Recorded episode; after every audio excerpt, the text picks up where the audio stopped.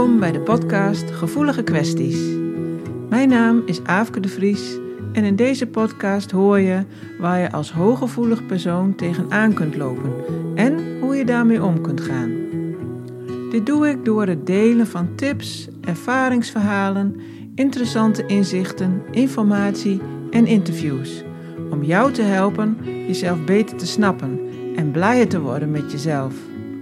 Ik wens je veel luisterplezier.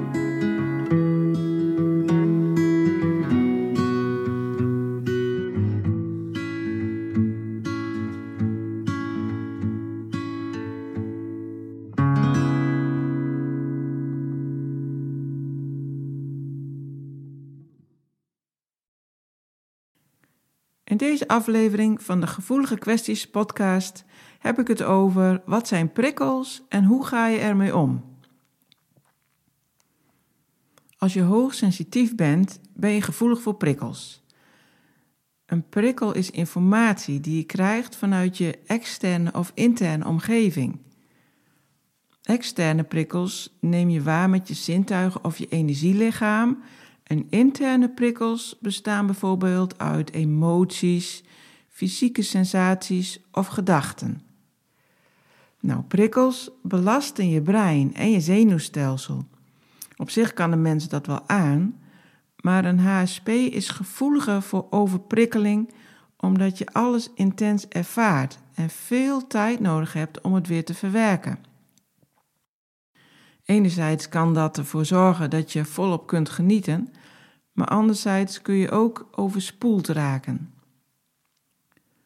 Als je overprikkeld uh, raakt, dan maakt je lichaam stresshormonen aan, waardoor je alert wordt, onrustig of misschien zelfs wel opgejaagd. Veel mensen komen dan ook bij mij met de vraag: wat kan ik nou doen om niet zo overprikkeld te raken? Nou, ik vertel eigenlijk altijd meteen dat je je gevoelige brein niet kunt veranderen. En dat je dus ook niet altijd kunt voorkomen dat je overprikkeld raakt. Je kunt namelijk geen controle hebben over je omgeving. Er kan zomaar iets gebeuren waar je niet tegen kunt. Een belangrijk onderdeel van het leren omgaan met je hooggevoeligheid is dan ook de acceptatie dat je bent zoals je bent.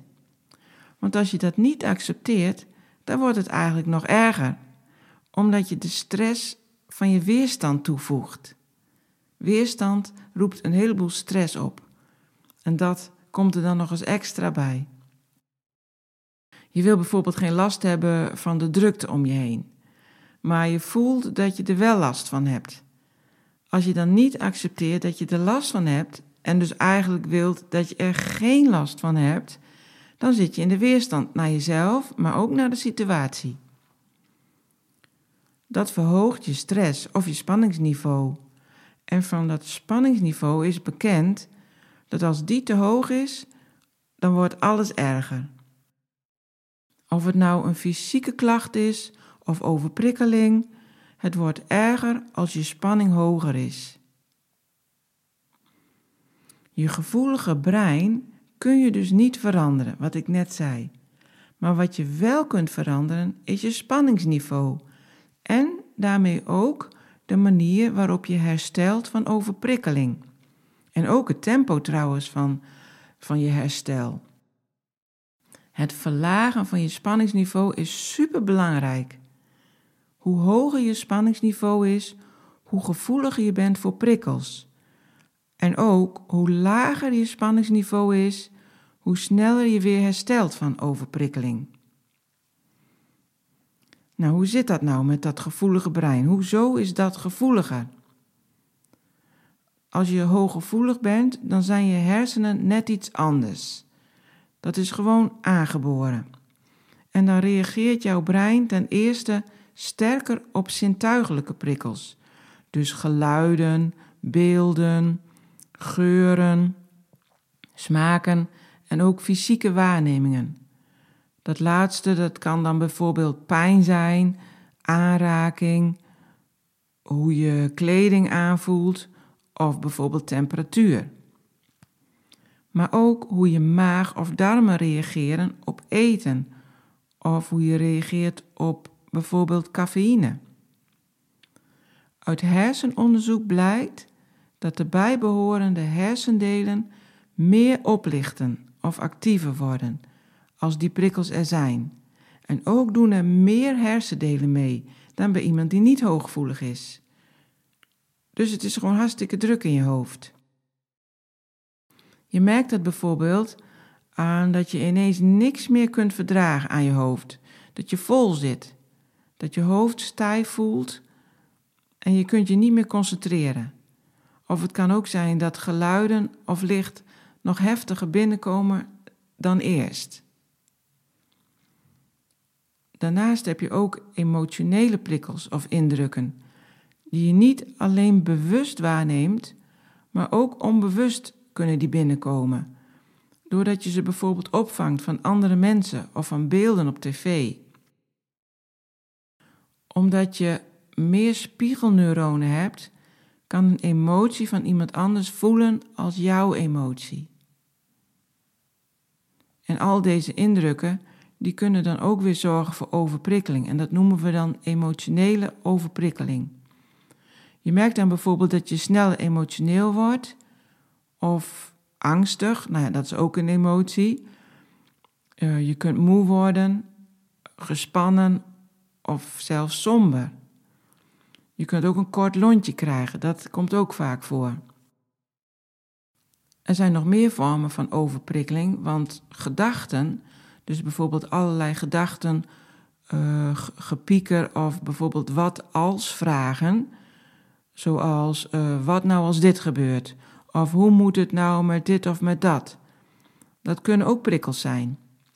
Allerlei scenario's bedenken of achteraf de film van de gebeurtenis de hele tijd opnieuw afspelen.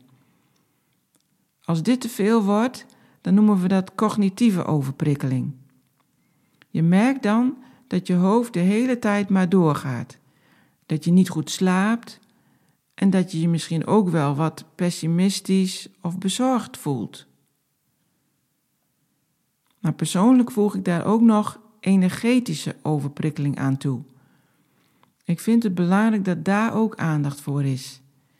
Je kunt namelijk allerlei energie opvangen. Van mensen, dieren, maar ook van een collectief. Ik kan persoonlijk volledig blokkeren door de energie van iemand. Misschien herken je dat wel. Dat je helemaal dichtslaat of niks weet te zeggen en het liefst weg wil gaan. Ik heb dat ook wel eens gedaan. Ik geloof wel dat mensen dan een beetje raar staan te kijken.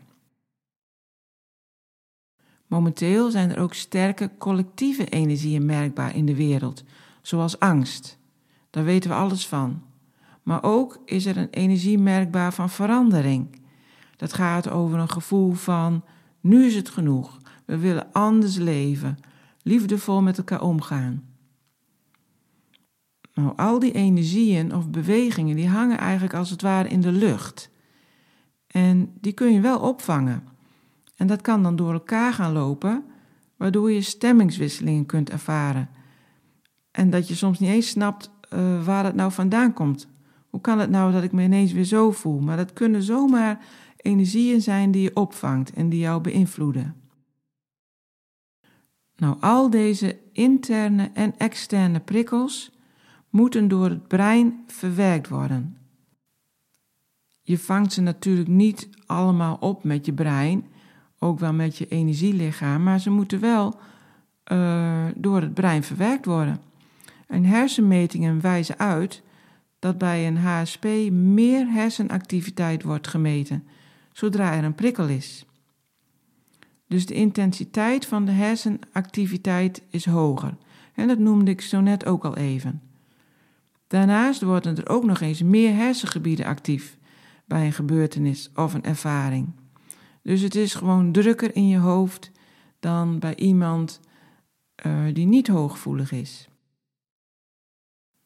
Nou, zometeen hoor je nog meer over hersteltijd en over hoe je nou het beste je spanningsniveau kunt verlagen. Maar luister nu eerst maar even naar dit muziekje tussendoor en adem ondertussen even goed uit.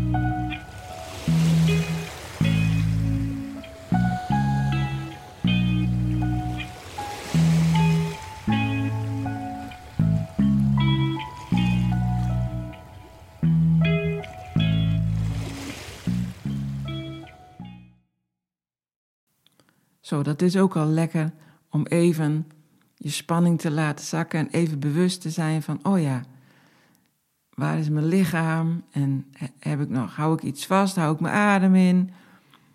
Kan ik mijn schouders laten zakken? Dat soort dingen. Dat zijn maar hele korte soort micropauzes noemen we dat. Dus dat je eventjes een minuutje goed op je adem let of even uh, met je aandacht naar een bepaald lichaamsdeel gaat.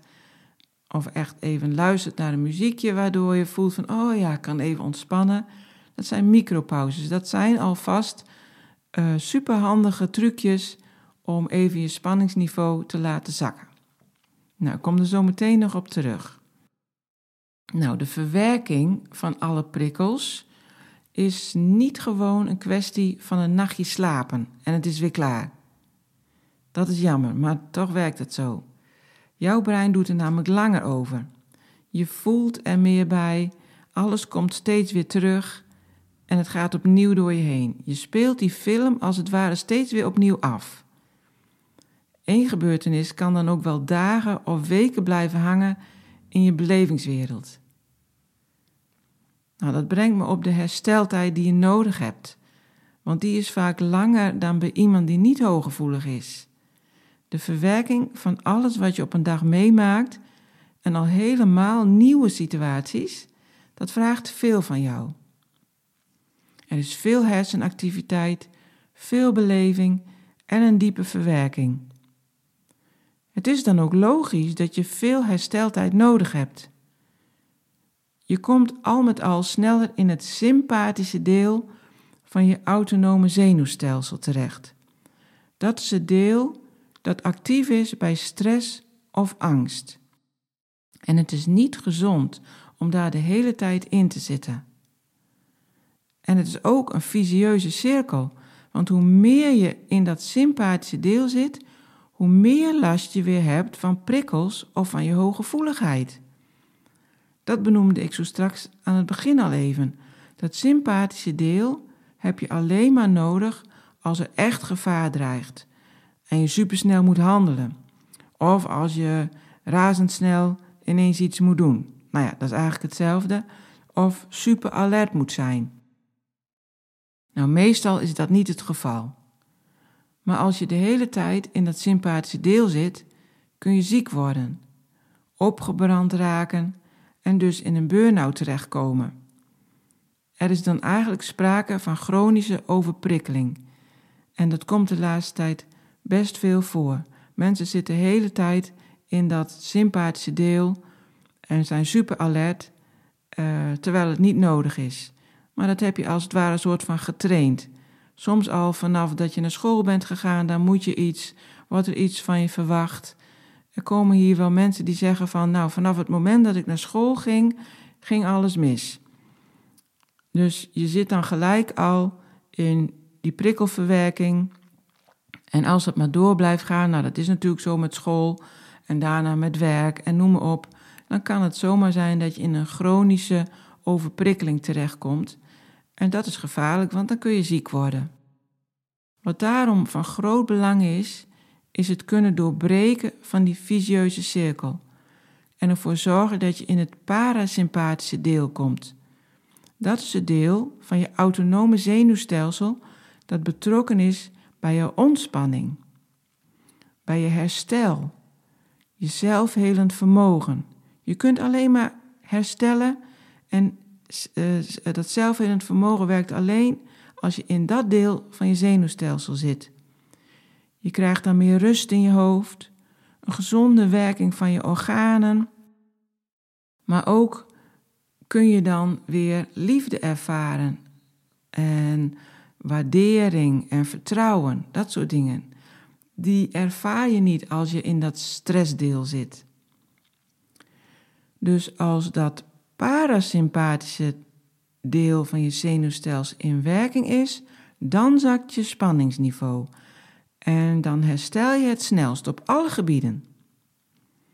En bovendien, als je spanningsniveau laag is, raak je minder snel overprikkeld. Je hebt dan ook meer contact met je lichaam, waardoor je de eerste signalen van overprikkeling sneller opmerkt. en dus ook eerder kunt ingrijpen. Nou, er zijn een heleboel manieren om je spanningsniveau te verlagen en ik zal er een aantal noemen. Een lage, rustige ademhaling. Binnen een paar minuten heb je dan het parasympathische deel geactiveerd. Dus dat is een hele belangrijke. Uh, luisteren naar binaural beats, dat is muziek waardoor je hersengolven vertragen en waardoor je diep ontspant. EFT toepassen, Emotional Freedom Techniques, dat is een zeer effectieve methode waarmee je niet alleen spanning in het hier en nu weg kunt nemen, maar ook opgeslagen spanning of lading van nare herinnering, herinneringen of ervaringen. Je leert die techniek bij jezelf toe te passen en daarom word je niet afhankelijk van een therapeut. Uh, gronden en daarmee ook negatieve energie afvoeren en jezelf opladen met nieuwe energie. Bewegen is heel belangrijk, sporten, wandelen, fietsen, yoga, dat soort dingen. Bezig zijn met een leuke hobby, zoals muziek maken, schilderen of koken. Wat ook belangrijk is, is een weekindeling maken, waarin genoeg tijd is voor jezelf, zodat je kunt ontspannen en herstellen. Um, ik raad daarbij ook vaak aan om me-time of hersteltijd, ik noem het maar even me-time, want hersteltijd is een beetje gek, want het gaat namelijk over dat je het van tevoren inplant. Dus daarom noem ik het even me-time inplannen voorafgaand aan een drukke periode of een drukke dag. Zodat je die drukke dag niet al met een halfvolle batterij begint. Uh, gezond eten. En daarmee bedoel ik uh, het beperken van voeding die stress toevoegt aan je lichaam, zoals suikers of onnatuurlijke toevoegingen, scherpe kruiden, alcohol en cafeïne. Nou, mediteren kan ook heel helpend zijn. Voor sommige mensen niet, die worden daar alleen maar juist helemaal gestrest van. Um, dan weet ik niet of je het dan langer moet proberen of dat het gewoon niet bij je past. Dat moet je zelf maar uh, ontdekken. Een bodyscan doen wil ook altijd goed helpen. Dan ontspan je je hele lichaam en dus ook je hoofd. Het dragen van een noise cancelling koptelefoon. En slapen met oordopjes in. Nou, ik doe dat allebei. Ik vind namelijk de prikkels die ik binnenkrijg van geluid het moeilijkste verdragen. Ik heb nu ook voor deze podcast een popscherm gekocht. dat, is, dat zit u nu dus hier voor mijn neus. Dat is een zwart rond schermpje die je voor een microfoon plaatst. Zodat je niet van die knalletjes krijgt als je bijvoorbeeld de P of de K uitspreekt. Ik, dat, vind ik namelijk, dat vind ik zelf namelijk ook altijd uh, heel storend.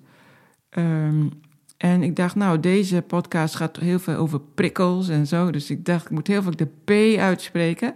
Maar volgens mij werkt het wel goed, toch? Want ik zie het lampje niet zo uitschieten als ik de P, P, P, P, P, P zeg, of de K. Dus ik denk dat het wel goed werkt. Nou ja, uh, goed. Terug naar de lijst van mogelijkheden om je spanningsniveau te verlagen. Um, wat ook goed is, twee uur voordat je gaat slapen niet meer bezig zijn met een beeldscherm. Nou, dat is moeilijk. Dat, dat, dat uh, lukt mij ook niet altijd. Dat is natuurlijk onzin, het is een keuze. Maar goed, de verleiding is soms zo groot. Maar wat ik dan wel heb gedaan, is de scherpte van het licht van het beeldscherm aangepast. En je kan hem ook vaak een warmere kleur geven, zodat je niet al te veel van die uh, uh, ja, melatonine aanmaak misloopt. Want s'avonds maak je melatonine aan, zodat je beter kunt slapen. En door dat licht van die beeldschermen wordt dat verhinderd. Dus dat is eigenlijk um, de reden waarom je dat beter niet kunt doen. Nou, en tot slot nog luisteren naar 432 hertz muziek. Dat is weer zo'n term, maar je schrijft het 432HZ. En dat kun je wel vinden op Spotify of YouTube. Um, dat is muziek die veel rustiger is voor je brein. Nou, dit zijn een aantal voorbeelden waar je wat aan zou kunnen hebben. En ik heb een aantal van deze dingen samengevoegd in de HSP Rescue Kit. Dat is een soort EHBO-koffer, waarbij de letters staan voor eerste hulp bij overprikkeling. Er zit een video in met een ademoefening, uh, een video met EFT, weliswaar een korte oefening, maar toch een begin. Een audio met zo'n professioneel gemaakte binaural beats ontspanningstrack, uh, ontspanningsmuziek. En een video waarin je oefent met gronden. Negatieve energie afvoeren en jezelf opvullen met nieuwe energie. En als bonus zit er ook nog bij um, dat je kunt leren hoe je een ruimte kunt gronden, zodat jouw energie erin zit en je minder last hebt van anderen. Nou, ik kon het niet laten om dat even te vertellen, want ik had graag gewild dat het twintig jaar geleden zoiets was, waar ik zelf gebruik van had kunnen maken. Er was toen nog zo weinig bekend over hooggevoeligheid, waardoor er natuurlijk ook nauwelijks hulp voor was. Mijn motivatie bij het maken van dit soort hulpmiddelen is dat je zo snel mogelijk kunt herstellen van overprikkeling, waardoor je hooggevoeligheid niet meer zo zwaar of lastig is. En natuurlijk ook om te voorkomen dat het erger wordt, dus dat je uh, in een burn-out terechtkomt en je spanningsniveau uh, uh, veel te hoog is. Dus eh, ik zou zeggen, probeer het gewoon uit en dan hoor ik graag van je of het jou helpt of niet. Je kunt de HSP Rescue Kit vinden op mijn website www.dathebiknoualtijd.nl Wil je meer weten over jouw hooggevoeligheid en hoe je ermee om kunt gaan? Kijk dan eens op mijn website, waar je als deelnemer toegang kunt krijgen tot alle trainingen, waardoor jij in balans kunt komen en blijven. Ga naar www dat heb ik nou altijd.nl voor meer informatie en om jezelf in te schrijven. Is er een onderwerp waar je graag een podcast over wilt horen? Of ben je benieuwd naar een interview met iemand? Laat het me weten. Ken je iemand die deze podcast interessant zou kunnen vinden? Stuur hem dan gerust door. En als jij dit een waardevolle of leuke podcast vindt, dan zou ik het heel erg waarderen als je een review achterlaat. Bedankt voor het luisteren en tot de volgende keer.